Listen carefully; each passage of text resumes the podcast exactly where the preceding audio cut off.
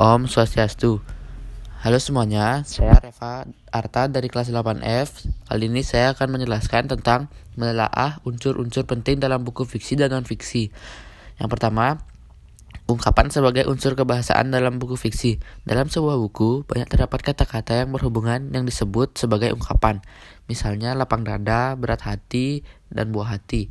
Ungkapan mudah ditemukan dalam buku fiksi. Selain ungkapan, buku fiksi juga memiliki unsur-unsur fiksi, seperti tema, alur, tokoh, gaya bahasa, latar, dan amanat. Yang kedua, unsur-unsur menarik lainnya dalam buku fiksi. Buku fiksi memiliki daya tarik untuk menjadikannya enak dibaca. Buku fiksi Contoh-contoh buku fiksi adalah antologi puisi, cerpen, atau novel.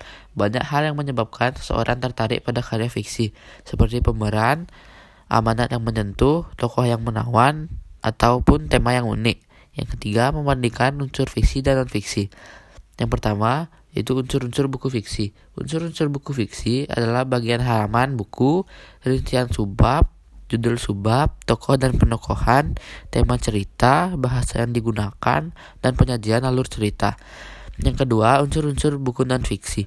Unsur-unsur buku non-fiksi adalah halaman buku, rincian subbab, judul subbab, isi buku, cara menyajikan isi buku, bahasa yang digunakan, dan sistematika. Sekian podcast dari saya. Terima kasih yang sudah mendengarkan. Mohon maaf bila ada kesalahan kata. Om Santi Santi Santi Om.